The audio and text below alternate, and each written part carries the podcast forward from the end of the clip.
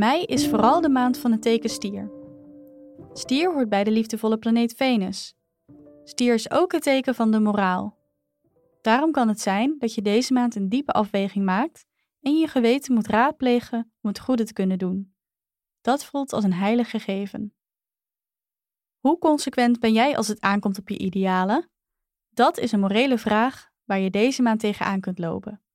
Bijvoorbeeld als je het niet eens bent met wat er gebeurt met dieren of vluchtelingen in onze wereld. Geld geven aan een stichting die actie voert is een goed begin.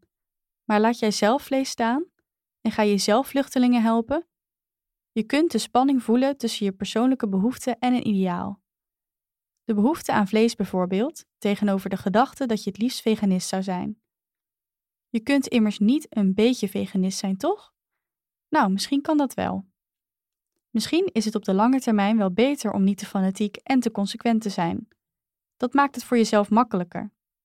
Bovendien, zodra een ideaal een strenge leer wordt, een religie, zul je vaker in situaties komen waarin je de verbinding met anderen verliest.